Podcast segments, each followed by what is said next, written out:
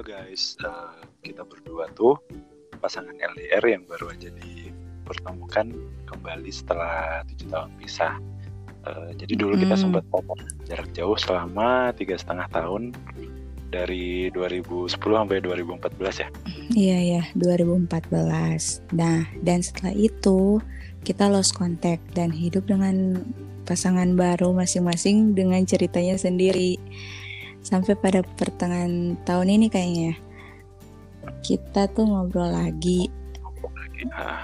Dan akhirnya mutusin buat balikan. Jadi ini tuh kayak second chance buat kita gak sih? Ya, Nah, nah di podcast ini kita berdua mau nyeritain soal hubungan LDR yang kita jalanin. Udah pastilah banyak rintangan, banyak cobaan yang kita hadapin.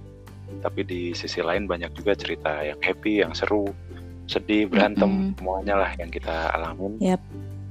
Terus juga uh, banyak impian-impian yang kita mau share sama kalian semua. Nah, bener banget. Jadi mungkin ada nilai-nilai yang bisa kalian ambil dari cerita kita dan kalian jadiin pelajaran buat hubungan kalian nanti. Kalau kalian mungkin ada di posisi yang sama kayak kita ya. Atau enggak sekedar buat nemenin kesepian kalian. Nah pokoknya semoga kalian sukalah dengan perjalanan cerita kami berdua. Atau mungkin ada jadi ada yang terinspirasi pengen nyobain LDR juga. Udah pokoknya selamat menikmati dan sampai jumpa di cerita-cerita kita selanjutnya. Bye. Yeah.